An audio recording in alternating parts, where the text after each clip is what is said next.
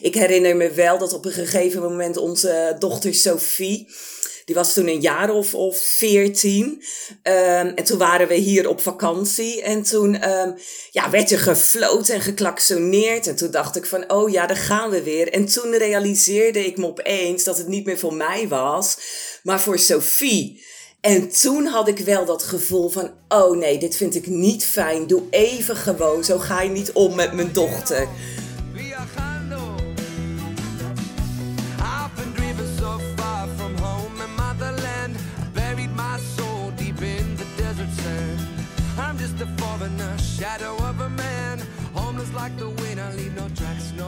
Welkom en leuk dat je luistert naar GZP Deel je Leven.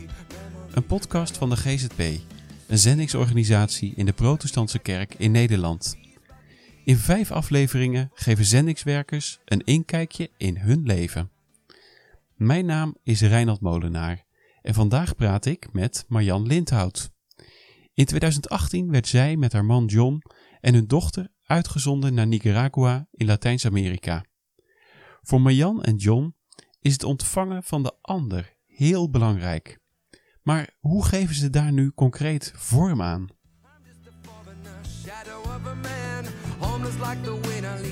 Ja, Marjan, uh, welkom. Leuk om je te spreken en te zien. Dankjewel, dankjewel. Insgelijks. We hebben onze afspraak om heel veel verschillende redenen moeten verzetten. Maar in die korte tijd dat wij contact met elkaar hebben, heb jij dus een termietenplaag en een orkaan meegemaakt. Ik vraag me af, hoe gaat het nu met je? Um, nou, het klinkt wat, uh, wat erger dan het is. Nee, um, het, het, het gaat goed. Het gaat goed. Um, Godzijdank. de termietenplaag is onder controle. Hoort bij het leven in de tropen dat er af en toe beestjes zijn op plekken waar je liever niet wil. Dat is vaak dan ook op plekken waar je ze niet 1, 2, 3 tegenkomt. Dus als je ze dan tegenkomt, nou, dan hebben ze zich al heel erg vermenigvuldigd. Um, ja, en jij zegt, uh, er is een orkaan langsgekomen. Er zijn er zelfs twee langsgekomen. Wij hebben de, de afgelopen uh, drie weken hebben wij uh, twee vulkanen, of orkanen um, over ons heen gekregen. Um, de eerste, vooral aan de Caribische kust en in het noorden, heel veel schade aangericht. Um, en twee weken later kwam er uh, de volgende orkaan voorbij. En daar hebben wij hier in de hoofdstad Managua, waar wij wonen, um, ook wel iets van gemerkt. Eén dag met echt heel veel regen. En uh, in de wijken waar wij werken, de, de, de armere wijken, uh, gaf dat echt ook wel wateroverlast. Uh, maar ja, het is niet vergeleken met wat de mensen aan de Caribische kust en in het noorden over zich heen hebben gekregen. Dus dat is echt ja, heel verdrietig. Hey, en jullie, jullie voelen je daar toch thuis in dat land. Hè? Wat maakt het dat het voor jou een thuis is, Nicaragua? Ja, wat maakt Nicaragua een thuis voor mij? Um, het klopt. Ik voel me hier als een vis in het water. Uh, het land is als een warme deken om me heen. Letterlijk en figuurlijk. Um, ja, weet je, wij hebben al een lange geschiedenis met het land. Het eerste contact was in 1996. Um, en ja, zodoende zijn we eigenlijk vertrouwd geraakt met het land. We zijn mensen leren kennen, um, uh, contacten die over de jaren heen zijn blijven bestaan. Um, het is een prachtig land, maar meer nog zijn het prachtige mensen die, uh, ondanks het feit dat ze al heel veel tegenslagen hebben gehad, um, toch altijd proberen open te staan voor de ander, gastvrij te zijn. Um, als je ehm, hier op straat loopt, het gros van de mensen loopt met een lach op hun gezicht. Ze proberen er ondanks alles toch, toch wat van te maken. En dat spreekt mij ontzettend aan. Ja, dat is wel wat anders dan Nederland. nou ja, dat wil ik niet zeggen. Nou, weet je, het heeft er natuurlijk ook mee te maken dat uh, we, we leven hier in een tropisch klimaat. Dus um, bijna alles gebeurt ook buiten. En de mensen waar wij mee optrekken, dat zijn uh, mensen die um, uh, echt wel in de marge leven. Dus hun huizen zijn ook ja, soms de naam huis niet waard. Uh, en daardoor zitten ze ook niet vaak in dat donkere, ja, krotje. Ik vind het altijd een naar woord om te zeggen, maar in dat donkere huisje. Dus zitten ze veel al buiten hun, hun huis. En daardoor is er op straat, um, ja, zoveel reuring. Je kunt hier um, echt ja, gewoon op de stoep voor het huis gaan zitten. En dan is het alsof zich een film afspeelt voor je ogen. Komt altijd wel iemand voorbij. Iemand die bezems verkoopt. Iemand uh, die, die maiskolven verkoopt. Uh, kinderen die, die op straat voetballen. Ze hebben er hier zelfs een werkwoord voor gemaakt. Om in je deurgat te zitten, zeg maar. En ja, dat heet, dat heet dan puertoir puerta is, is deur. Dus het is eigenlijk deuren. Dus dat is echt hier een heel bekend fenomeen, maar dan dus wel in die volkswijk, hè, waar, waar ik het over heb. Dus, um, dus ja, dat, dat, dat, dat spreekt mij ontzettend aan. Ja, ja.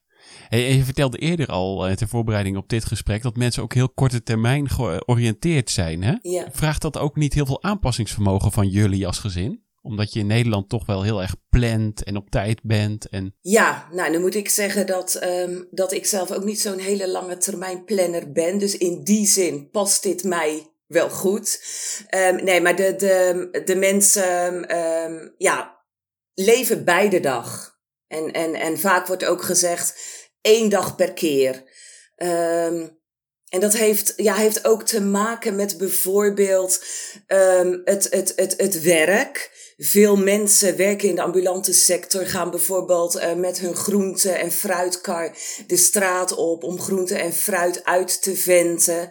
Um, en dan is bijvoorbeeld een dag niet gewerkt, is een dag um, geen eten op tafel. Dus ja, dat korte termijn is naar mijn idee ook wel een beetje door, door uh, de manier waar waarop, waarop het leven naar ze toe komt.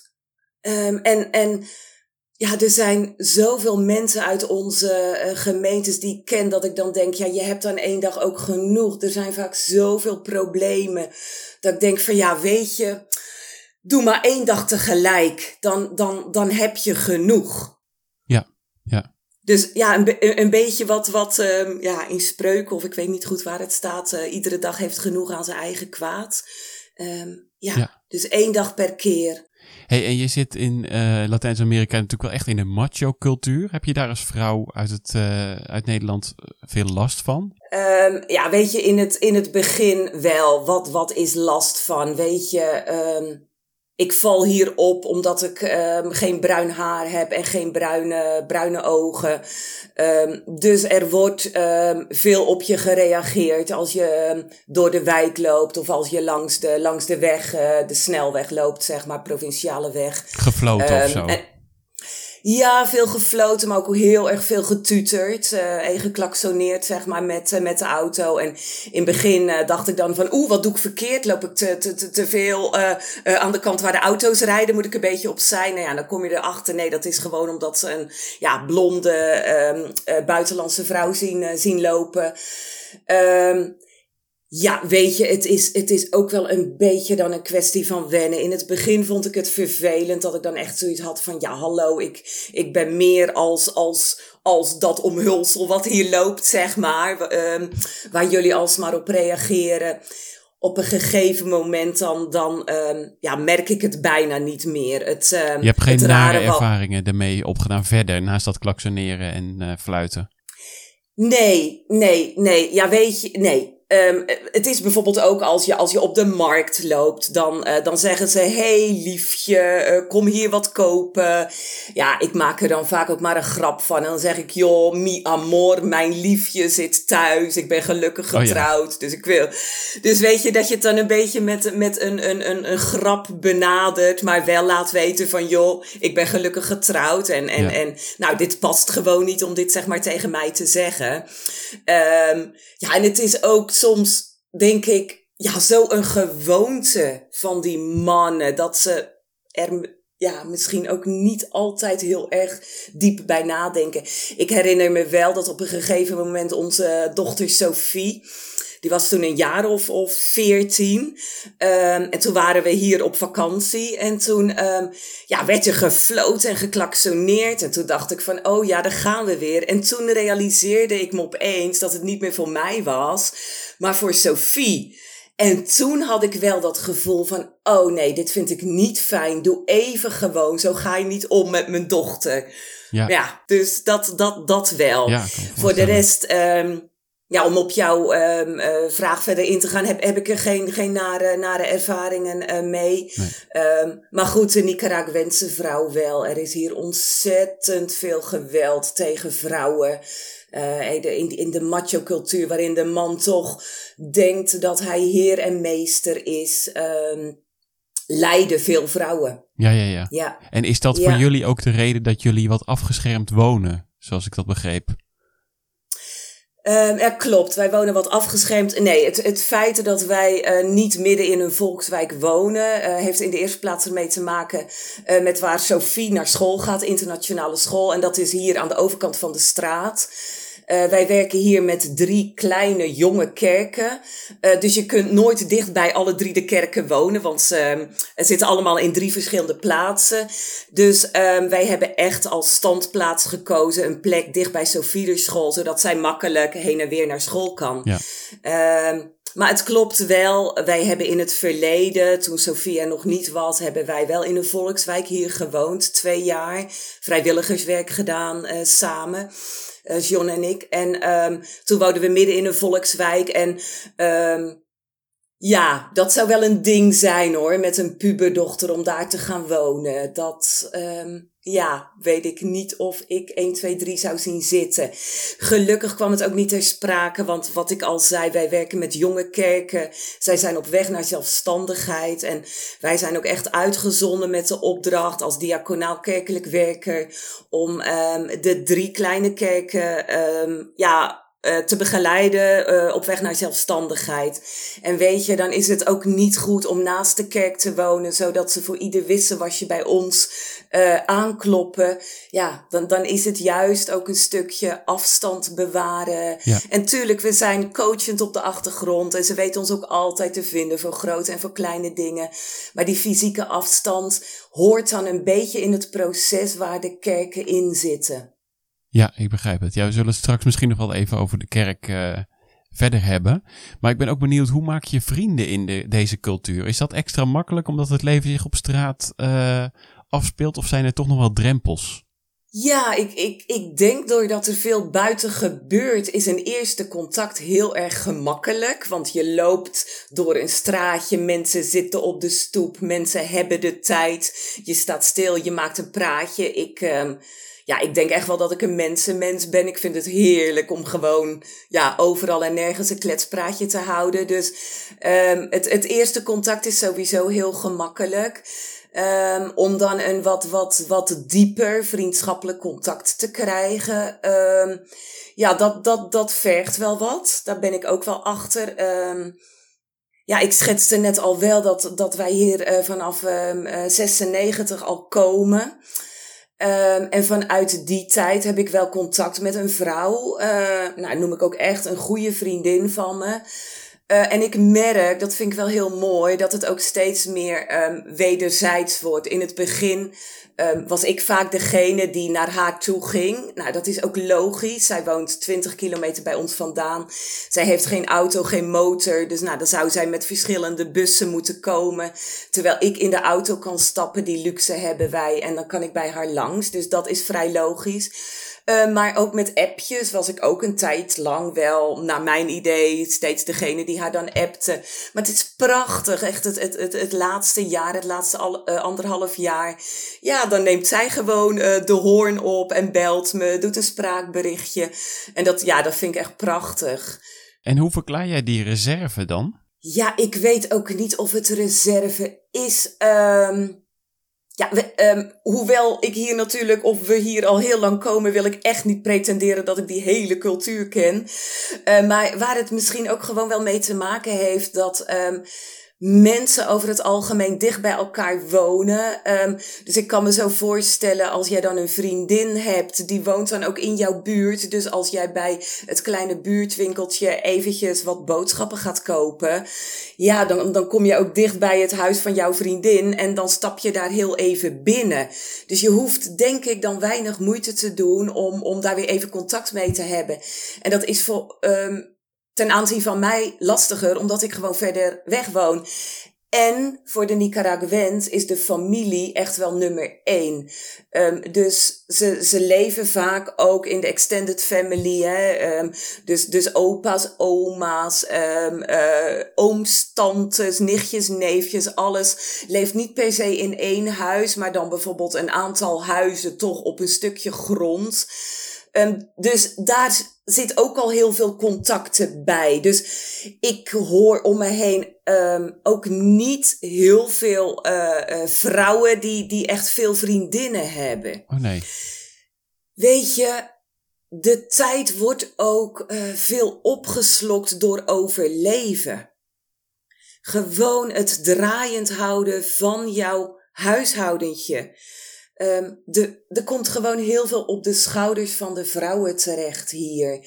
Um, wat ook te maken heeft met de macho-cultuur is dat, dat de man vaak, ik generaliseer natuurlijk, hè, want er zijn ook uiteraard goede mannen, maar wij zien in de, in de wijken veel uh, mannen die um, nadat er bijvoorbeeld een kind geboren is, hun verantwoordelijkheid niet nemen, vertrekken, uh, naar een andere vrouw uh, gaan of wel in het gezin blijven wonen. Maar er is ontzettend veel um, alcohol, uh, misbruik, um, um, verslaving bedoel ik. Ja.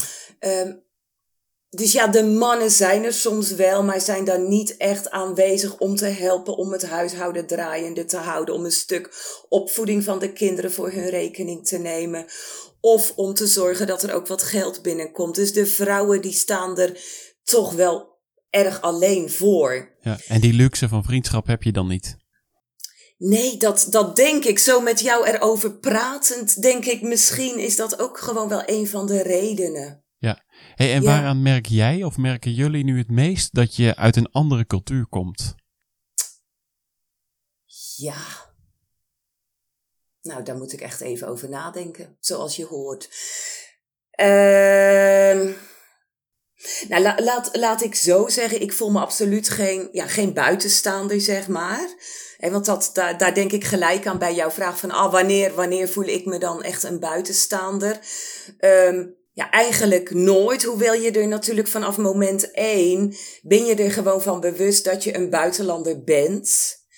Um, dat, zie je, dat zien ze sowieso altijd aan ons uiterlijk. Horen ze altijd aan de manier waarop wij toch het Spaans spreken. Um, en hoe uh, dicht wij ook bij bij de mensen proberen te gaan staan. Wij blijven die buitenlander. Um, maar om te zeggen, um, er zijn momenten dat ik me echt voornamelijk heel erg buitenlander voel. Nee, ja, weet je, ik, ik heb soms wel eens dat ik gewoon reacties van mensen niet begrijp. Maar dat kan ik in Nederland, kan ik dat ook hebben. Ja, ja, ja. Um, ja ik kan het hier wel eens hebben dat, dat als we bijvoorbeeld uh, mensen, of als mensen een kans gegeven wordt om een klein beetje vanuit de, de, de, de, de armoede omhoog te klimmen. Bijvoorbeeld een jongere uh, die een beurs krijgt om, om toch te gaan studeren. Um, en dat je er dan toevallig bijvoorbeeld na vier maanden achterkomt dat er de afgelopen vier maanden niet gestudeerd is. Wel een beurs ontvangen is, maar er is niet naar de universiteit gegaan. Nou, de eerste reactie is dan, nou ja zeg, hoe kan dat nou? Je krijgt geld. En wat heb je dan mee gedaan? Bij wijze van, hè, dat uit ik niet, want inmiddels ben ik ook al ja, zover dat er altijd wel een voor hun goede reden achter zit. Ja, om dan niet naar school te zijn gegaan. Um, ja, en dan blijken er problemen geweest te zijn in de familie, ziektes, waar dan dat geld voor die beurs aan op is gegaan. Um, nou, en dat, dat, dat begrijp ik inmiddels wel. Uh, mensen zijn niet verzekerd. Ik denk dat ik het zelf ook zou doen. Als je dan geld in je handen hebt en je moeder is doodziek, ja, ga ik dan dat geld in de universiteit steken of ga ik mijn moeder helpen? Maar wat ik dan heel lastig vind om te begrijpen is, ja, dat ze dat dan niet bespreekbaar maken. Ja. En op zo'n moment, en ik weet niet of dat dan een verschil is in cultuur, geen idee. Misschien heeft het ook gewoon wel te maken met ja, het arm zijn, dat ze dan denken van, ah, oh, we worden geholpen en nou kan ik het toch niet maken dat de hulp niet op de goede plek terechtkomt, de schaamte. Mensen schamen zich hier ook heel erg snel. Dus dat, en dat, dat vind ik wel lastig. Dat ik denk van, ah joh. Ja, gemiste kans. Ja, Natuurlijk, nee, we blijven die kans geven. Want het is absoluut één niet zo dat we dan zeggen van joh. Hey, uh, maar dat, ja, dat vind ik wel lastig. Dat ik dan ook denk van ah, had een stukje openheid gegeven. Hadden, hadden, we, hadden we er ook over kunnen praten. Weet je, gedeelde smart is dan toch ook een beetje halve smart. En dat zijn lastige situaties. Vind ik lastig. Ja, ja, ja. ja. Hey, en ik zei het in mijn intro al. Het ontvangen van de ander is voor jullie heel belangrijk, hè? Maar hoe geef je dat vorm? Als je toch vaak zoals je met die vriendin al zegt, juist naar de ander toe moet. En waar zit hem dat? Ja, ja weet je, um, je wordt um, uitgezonden door een zendingsorganisatie en uh, min of meer had ik of heb ik dan ook wel het gevoel van oké, je gaat naar Nicaragua en, en, en um, weet je, je, je, je, je gaat een stuk oplopen met mensen, uh, je gaat geven en dat vind ik heerlijk om te doen.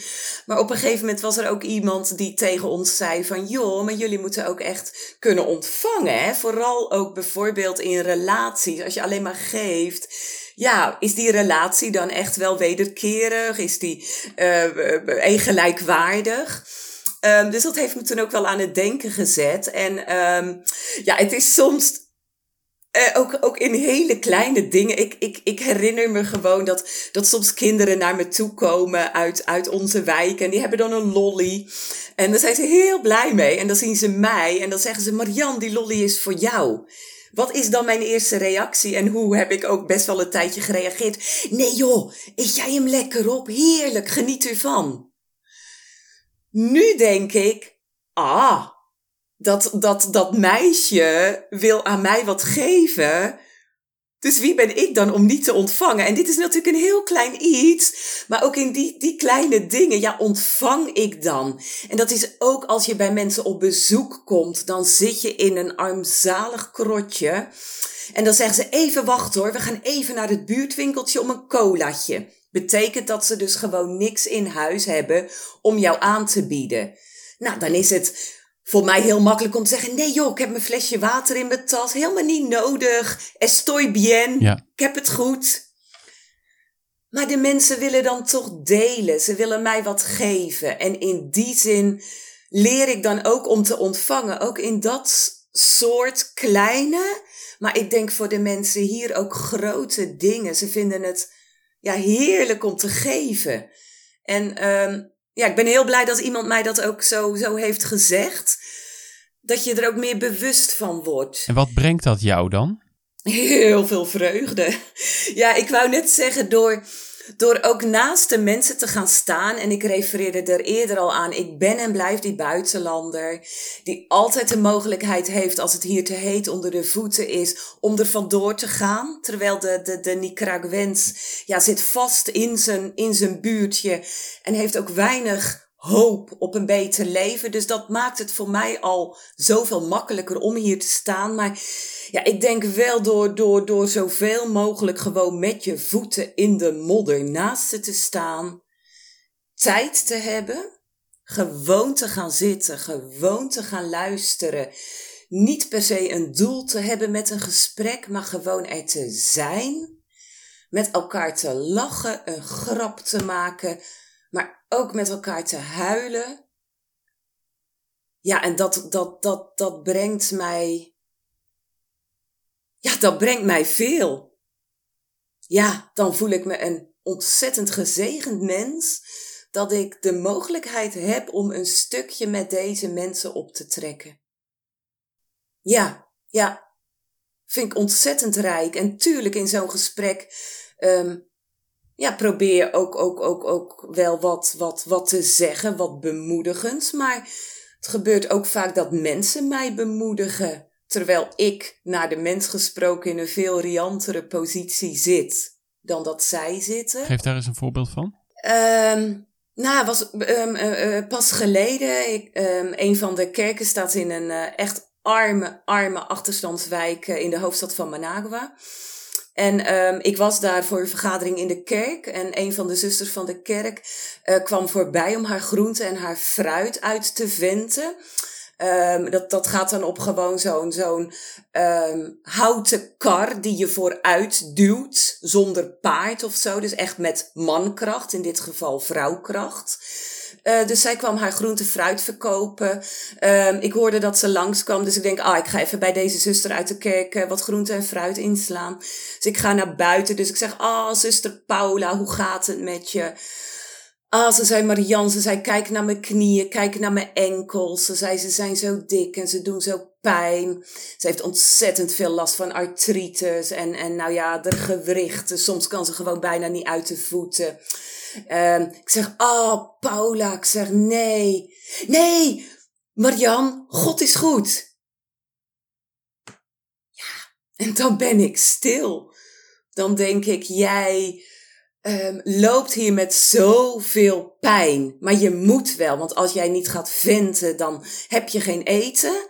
Maar voordat ik bijna nog kan zeggen, ah, zuster Paula, wat vervelend, ah, dit of dat, roept ze er gelijk over, overheen. Maar God is goed hoor. Zo van, joh, dat andere, het doet er niet toe. God is goed. Ik zeg, Paula, ik zeg, hoe kun je dat nou zeggen? Ze zei, kijk nou, ze zei, ik heb leven. Het emotioneert me. Ze zei, kijk naar de lucht. God laat zijn zon schijnen. Ze zei, hij is goed. En ik loof en prijs hem zo lang als ik kan. Tjo. Ja, dan heb ik echt met al mijn rijkdom, heb ik gewoon echt niks toe te voegen. Nee. En dat is prachtig. Ja, echt. Het, um, ja, het emotioneert mij telkens weer. Hoe in alle, um, ja, in alle nood, um, um, in alle overleving mensen toch God, God groot maken. Ja, ja, ja. Ja, ja want hoe, als je dat kunt algemeniseren, hoe wordt er gekeken naar God? Hoe, hoe zien de mensen daar God? En, en uh, wat, wat leer jij daarvan en wat kun je ons daar, daarmee leren? Oeh, nou zeg je wel grote dingen hoor. Wat kan ik jullie nou, leren? Vergeet dat laatste. Vergeet dat laatste. nou, wat, wat, wat ik hier wel leer is ook um, God echt zien als, als de schepper, als de onderhouder van je leven. Eigenlijk wat die zuster Paula dan ook zegt van, hm. ik dank God, want hij geeft mij deze dag het leven mensen beginnen hier ook heel vaak hun, hun gebed met God, dank u wel voor deze nieuwe dag. Dank u wel voor de lucht die ik kan inademen. Dus dat soortje, ja, soms, soms kleine dingen, wat natuurlijk absoluut niet klein is, dat God jou het leven geeft. Um, dat wordt er hier altijd wel heel sterk uitgelicht, benadrukt. Um, dat ze God zo danken dat ze brood hebben op de plank. Um, wat ik me uh, ja, gewoon niet zo kan voorstellen, omdat ik ook bid, geef me vandaag mijn dagelijks brood. Maar met dat ik het bid, heb ik dat brood al in huis, heb ik dat brood al in handbereik. En dat is bij veel mensen daar niet zo. En die afhankelijkheid van God, dat, dat leer ik hier wel. Ja, mooi hey, Marjan, jij bent nu, uh, het is bij jou heel vroeg. Voor mij is het halverwege de middag. Wat uh, zijn je plannen voor uh, vandaag op zo'n zaterdag waarop we elkaar spreken? Op zo'n zaterdag? Um, ja, vaak is het toch een beetje, ja, net als in Nederland, toch nog eventjes je boodschappen doen.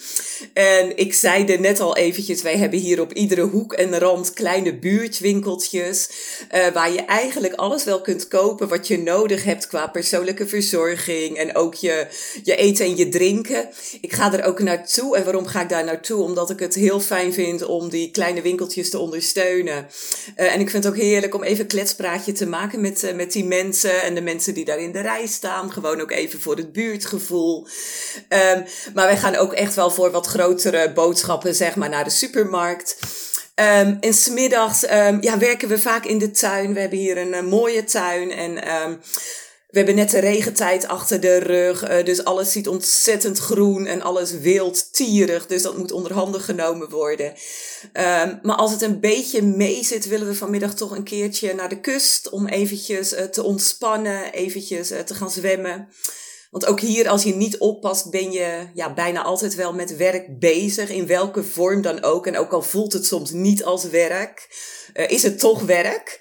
Um, we hebben dan bijvoorbeeld zondag, als we dan naar de, naar de kerk gaan, dan uh, soms spreekt mijn man, maar uh, vaak ook niet. Dus dan zit je in de kerk, dus dan zit je op zich als luisteraar.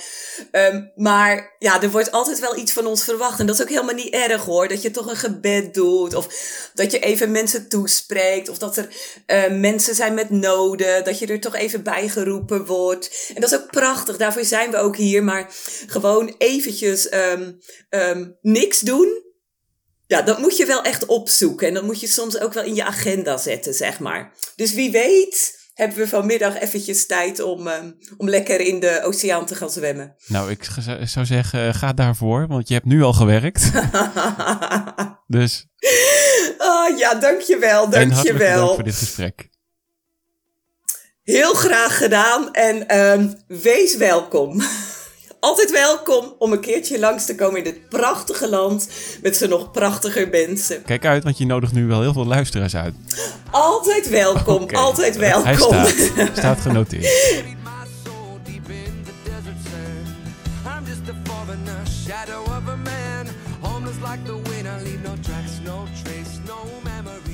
Leuk dat je luisterde naar GZB Deel Je Leven, een podcast van de GZB een zendingsorganisatie in de Protestantse Kerk in Nederland.